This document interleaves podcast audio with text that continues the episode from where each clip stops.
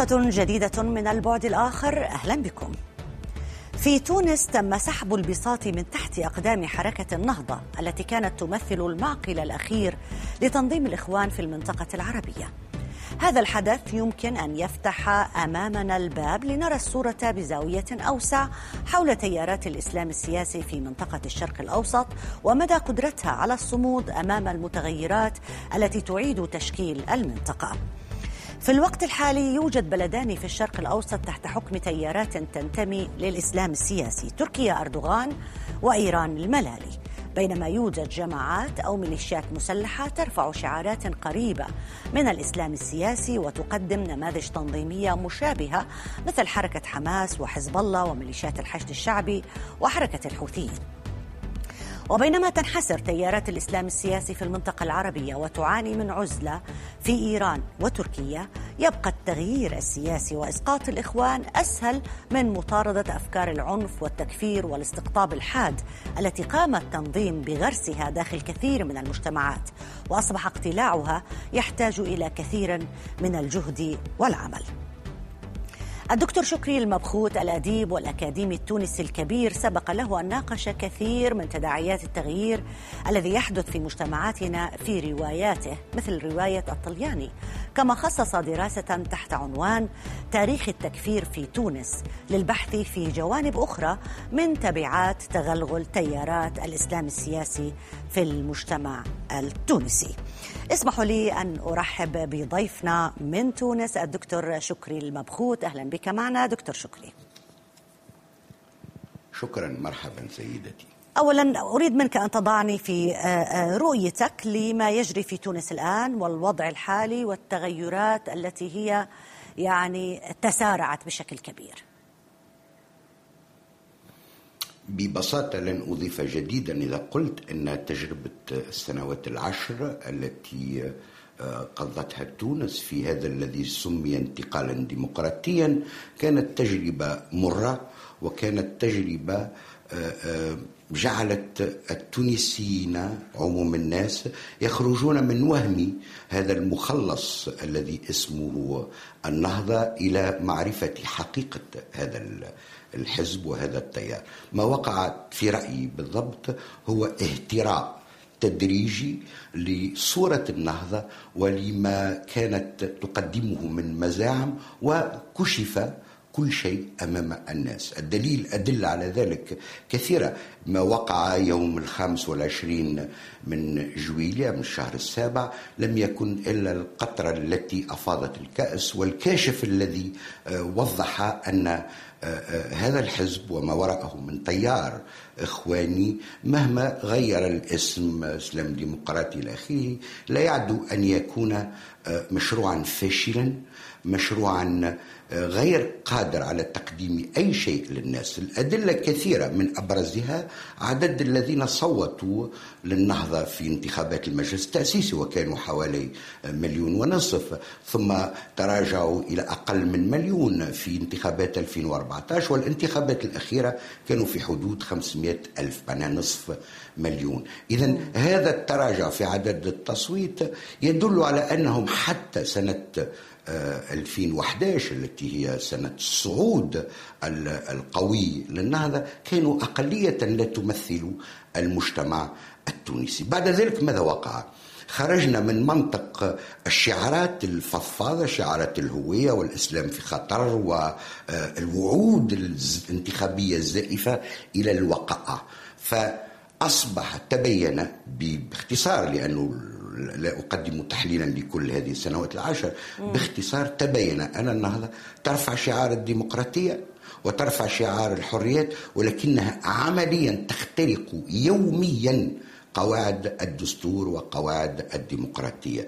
لم يكن قيس سعيد رئيس قيس سعيد هو الذي انقلب على على على الدستور. هو استعمل فصلا دستوريا أوله تاويلا ربما مفرطا ولكن ما كانت تقوم به النهضة هو انقلابات شبه يومية على هذا الدستور. ولا يمكن أن تتواصل. الامر الثاني أن هذه النهضة التي رفعت أنها حزب النظافة وحزب الحزب كيف أقول الإخلاص للشعب وللهوية وللإسلام تبين أن المنظومة منظومة الفساد التي جاءت لدكها لنقضها قد احتوت هذا الحزب وأصبح هو نفسه يستفيد من رؤوس الأموال الفاسدة أصبح هو نفسه يبرر قوانين لهؤلاء الفاسدين إعفاءات ضريبية وغيرها من القوانين. فأصبح يقتات من هذا الفساد ويقويه طيب دكتور شكري هو المهم إذا كان هذا إذا كان إذا كانت هذه الرؤية قد تكشفت لدى جزء كبير من مجتمعاتنا العربية. يعني في تونس مثلا هناك حركات تنويرية كثيرة.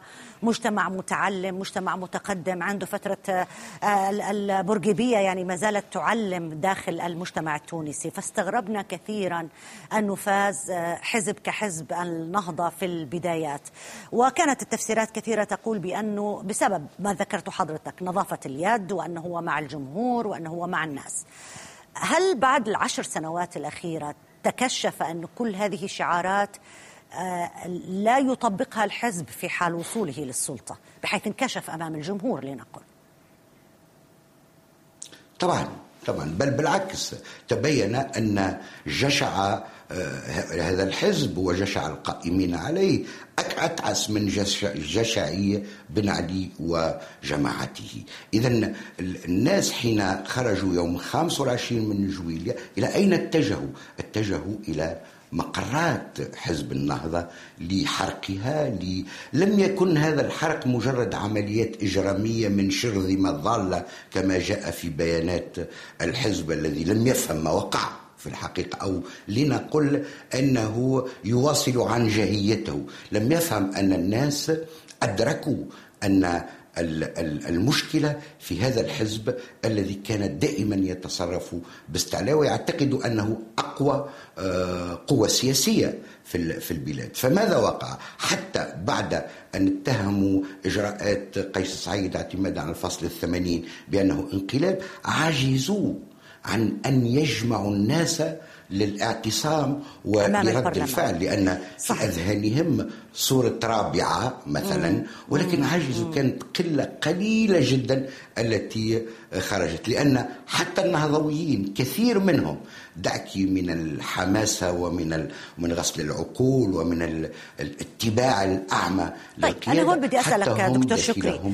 آه هو السؤال اللي طرحناه على أنفسنا كثيرا وأكيد حضرتك طرحته على نفسك بصفتك أكاديمي ومثقف وكاتب آه أيضا.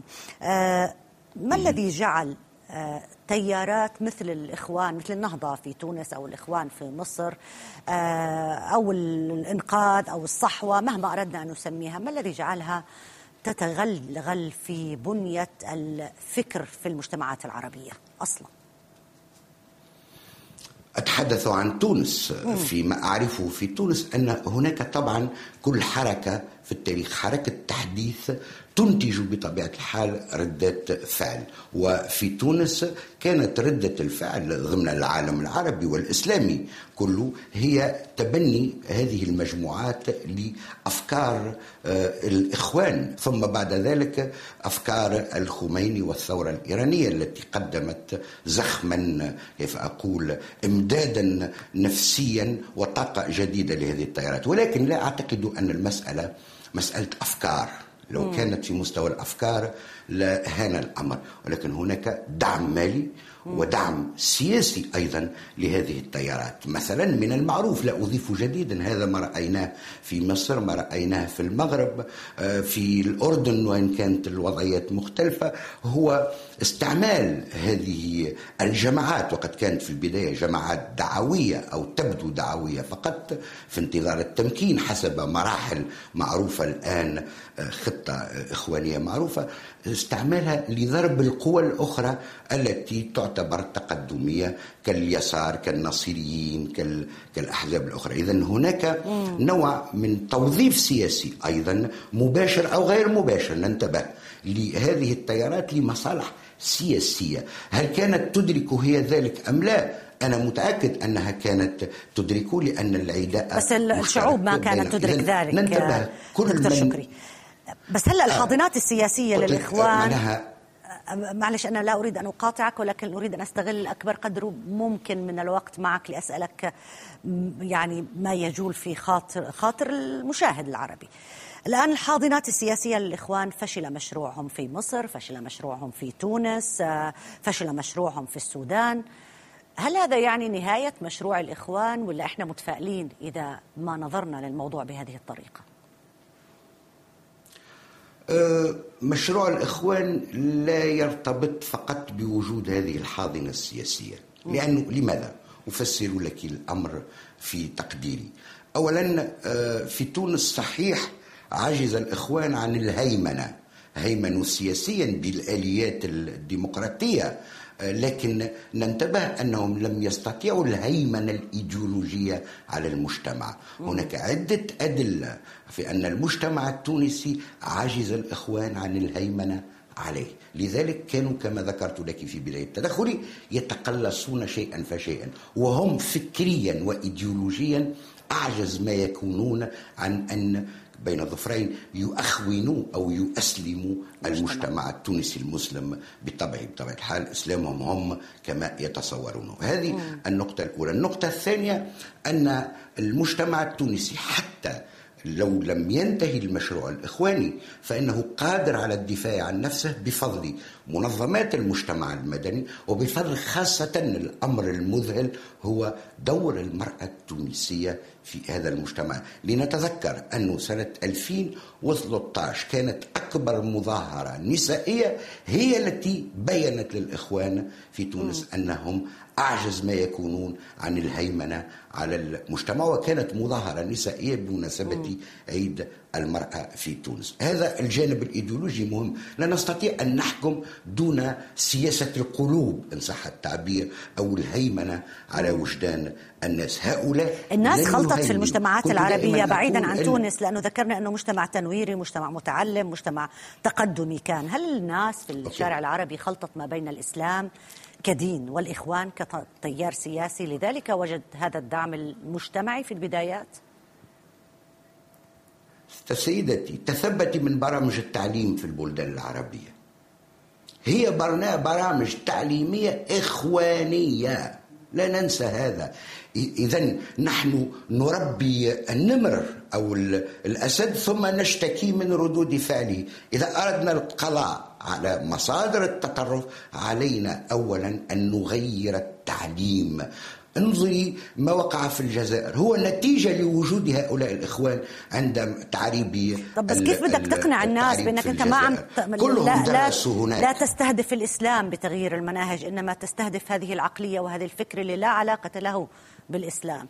ما هون بتصطدم بالمجتمع. إذا, إذا كنت تدرس أن إذا كنت تدرسين أن الخلافة هي أنموذج الحكم الإسلامي وأن الجهاد فرض عين وأن آه، السفور كذا وكذا وأن المجتمع فاسد وأن لماذا تنتظرين؟ أنت تجعلين نفسية هذا التلميذ هذا الطالب شيئا فشيئا تصبح ضد كل مظاهر التحديث داخل المجتمع وتقولب فكره. فيكون التعليم لا يخلق مباشرة إخوانيين أو داعشيين ولكن هو التربة الخصبة الذي تترعرع فيها. علاوة على التوظيف السياسي. هنا علينا أن نسأل من يمول هذه الحركات؟ علينا أن نسأل من يوفر القاعدة آه، إن شئنا المادية التحتية لهذه الأحزاب. لا نريد أن ندخل في تفاصيل ونقدم أمثلة ولكن هذا معروف.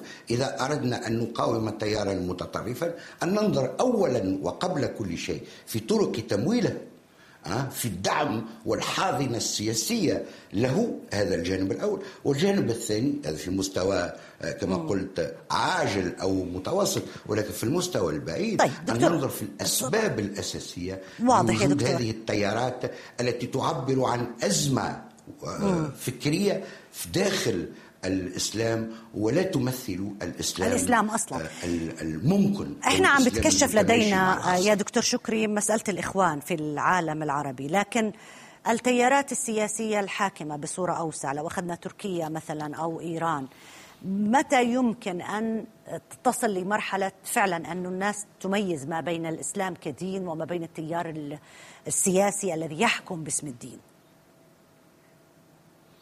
هم يميزون. هذا هذه هذه المشكلة. هم يوظفون الإسلام ويوظفون الدين في السياسة لأن الدين ليس شيئا مطلق وإنما هو تأويلات بشرية هو تفسيرات بشرية. فما معنى إيديولوجيا آه، دينية؟ إيديولوجيا دينية بمعنى مجموعة من الأوهام التي تقدم ومن الأكاذيب ومن الوعي الزائف لتمرير مواقف بشرية تاريخية. هذا هذا هو المشكلة. إذا كنا نحاصر كل تفكير لتجديد الإسلام بمعنى تجديد تأويل الإسلام. وإذا كنا بوعي لا تاريخي أي وعي خارج التاريخ كأن العهد الذهبي هو عهد الرسول والخلفاء وعلينا أن نستعيده.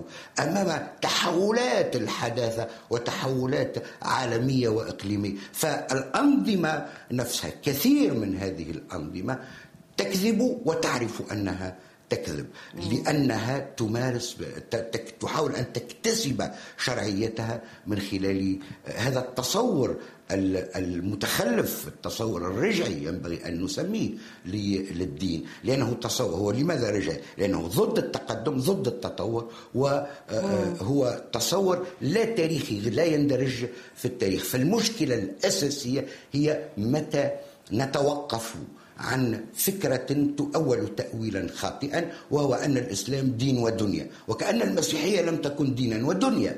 هذه الأكذوبة الكبيرة وأنه لا كهنوت في الإسلام. هؤلاء ماذا؟ هم كهنوت الإسلام. إذا علينا أن نفحصم حسما آه، واضحا بين آه، ما هو مجال الدين وما هو مجال السياسة. وأن لا نترك هذا التوضيح. مع العلم أنه هذه الدول هذه التنظيمات هذه التيارات توظفه ولكن الأخطر أن الحكام الذين يعانون من إرهاب هؤلاء ومن عنف هؤلاء هم أيضا يوظفون. علينا أن نقول كفى الإسلام دين المجتمع دين الجميع السياسة مجال بشري. فلنتخاصم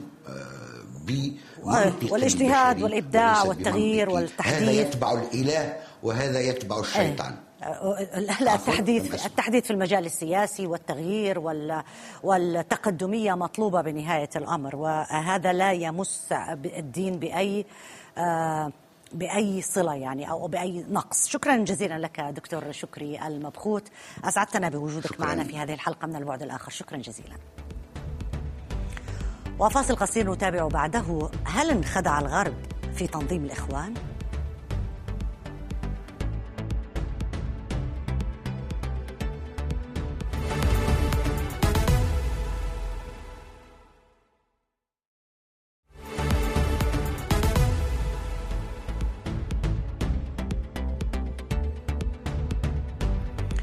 مرحبا بكم معنا من جديد. في يناير 2013 وقبل شهور من ثورة يونيو التي أطاحت بحكم الإخوان في مصر نشرت مجلة فورين بوليسي تقريرا تحليليا حمل عنوان فكر مرة أخرى الإخوان المسلمون كيف أخطأ الكثير من المحللين الغربيين في فهم الحركة الإسلامية في مصر حول هذا الموضوع أرحب بضيفي من باريس السيد جان بيير ميلي المستشرق الفرنسي المتخصص في حركات الإسلام السياسي. أهلا بك معنا سيد ميلي. أهلا وسهلا وشكرا على استضافتكم لي. أهلا وسهلا. آه بعد ما حصل في مصر والآن يحدث في تونس، هل هناك شعور لدى الغرب بأي شكل من الأشكال إنه أخطأ في فهم تيار الإخوان المسلمين تحديدا أو تيارات الإسلام السياسي بشكل عام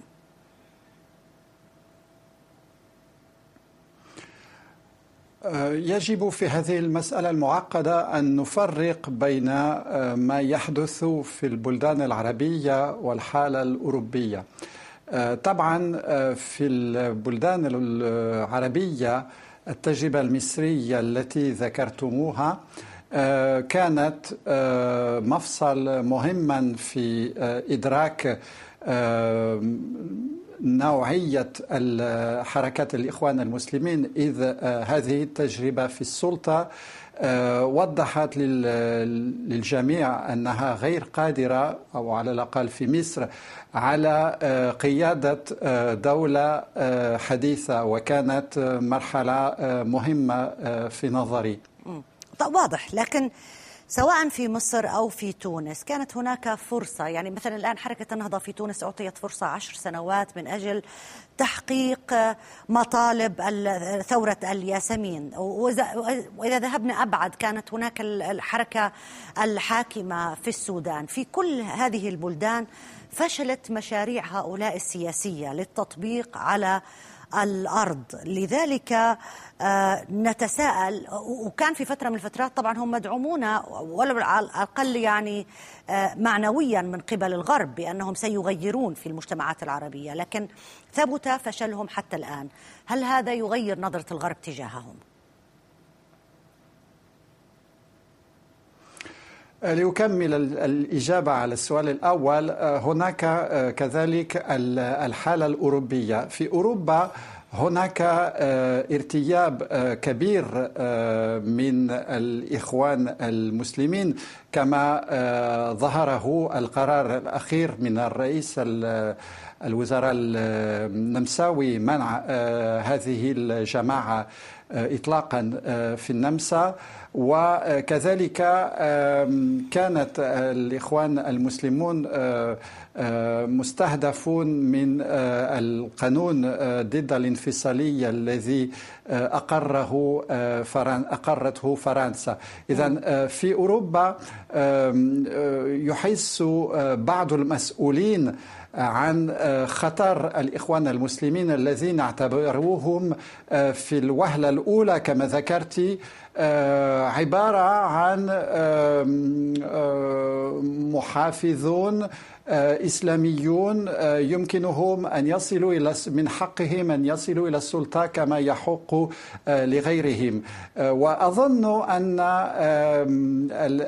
المحللين لم يكونوا واعيين عن خطورة هذا هذا التيار لأن أولا هو خطير بذاته ببعض أفكاره ثم هو خطير لما تشعب منه من الجماعات المتطرفة التي هي أخطر بكثير من الإخوان المسلمين. أقصد بذلك الحركات الجهادية التي انتشرت الآن في كثير ممتاز. من هذا هذا يقودني للحديث عن أنه إذا كان تولدت أو في طور أن تتولد قناعة لدى آه، مراكز الأبحاث المحللين الأكاديميين الغربيين الذين كانوا يدافعوا عن حركة الإخوان المسلمين على أنها حركة سياسية بالرغم انه كل الدراسات في المنطقة وكل التحذيرات في المنطقة كانت تقول بانه حركات التطرف تتبنى أفكارها أصلا من حركة الإخوان المسلمين كتنظيم سياسي. إن لم يكن كلها إنما في معظمها من حركة الإخوان المسلمين. هل هذا أصبح مدركا أكثر في أوروبا مع الخطوات التي أشرت لها حضرتك. طبعا خلال عشر سنوات لأنك ذكرت التجربة المصرية منذ عشر سنوات حدثت الكثير من الأحداث التي آه، أحس الأوروبيين عن آه، خطورة آه، هذا هذا التيار طبعا. ولكن لا يزال المجتمعات أو لا تزال المجتمعات الأوروبية منقسمة أمام هذه الظاهرة. هناك من يعتقد أنه آه، موقف صارم ولكن مقبول آه، لدى المسلمين الأوروبيين أو في البلدان العربية. وهناك من يعتقد أن هناك خطورة وأن الخطورة ملموسة ويكفي أن ما أنتج هذا التيار من من حركات أخرى للدلالة على خطورته. ولكن هناك شيء آخر وهو أنه أثبت فشله في حكم دولة حديثة معقدة وأثبت أن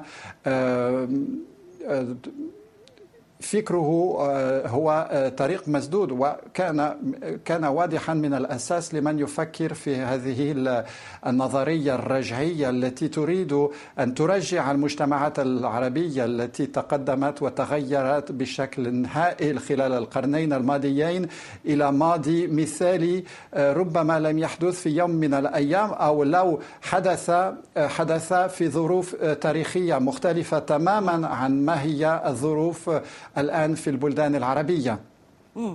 طيب آه أيضا فيما يتعلق بأوروبا عندما ينحسر تنظيم الإخوان في الدول العربية مصر وإذا استمرت المتابعة الآن والمحاسبة في تونس أيضا وكذا في السودان وفي المناطق الأخرى. هؤلاء يذهبون بكل حملهم إلى دول أخرى ترحب بهم. يعني آه، إذا قلنا بأنهم يستوطنون الغرب هناك الكثير من مراكز الأبحاث هناك الكثير من آه، مراكز الإعلام والبحث العلمي آه، اللي بتمولها هذه الجماعات موجودة في الدول الغربية. هل ستختلف مقاربة الغرب مع وجود هؤلاء الآن؟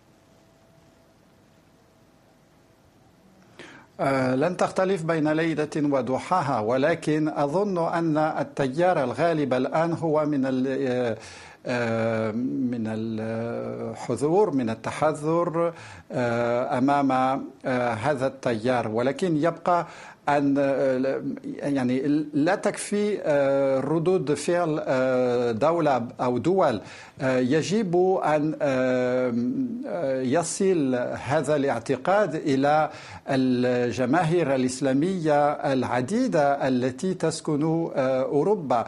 وهناك تناقض واضح للمراقب لجماعات أتت إلى المجتمع الأوروبي ولا يزالون آه، يتبنون آه، هذه الأفكار التي تعتبر الرجعية آه، في بلدانهم الأصل. فهناك تناقض كأنهم يعيشون في حالة غريبة من الازدواجية العقلية. يعني يتفتحون إلى الغرب ويتعلمون حتى كل الطرق الديمقراطية لبل يستغلون هذه هذه الهياكل التي هي ثمينة في في المجتمع الأوروبي بعضهم يستغلونها لأهدافهم التي ليست ديمقراطية. وخير مثال, مثال على ذلك هو الرئيس التركي لا أريد أن أستهدفه شخصيا ولكنه مع أن بلاده كانت من البلدان الأولى التي تفرنست في القرن التاسع عشر واعترفت باستفادة التفرنس. مع ذلك آه، هو الآن يستعمل آه، هذا القرب الجغرافي وهذه المعرفة لأوروبا ليعتبر أوروبا آه، حلبة للتغلغل وللنفوذ عبر جماعته. ألف شكر لك ضيفنا سيد جان بيير ميلي المستشرق الفرنسي المتخصص شكرا. في حركات الإسلام السياسي. شكرا جزيلا, جزيلا لك على المشاركة معنا. وبهذا مشاهدينا الكرام انتهت هذه الحلقة من البعد الآخر. دائما يمكنكم متابعتنا على مواقع التواصل الاجتماعي تويتر فيسبوك ويوتيوب. كما يمكنكم الاستماع إلى حلقتنا على العربية بودكاست إلى اللقاء.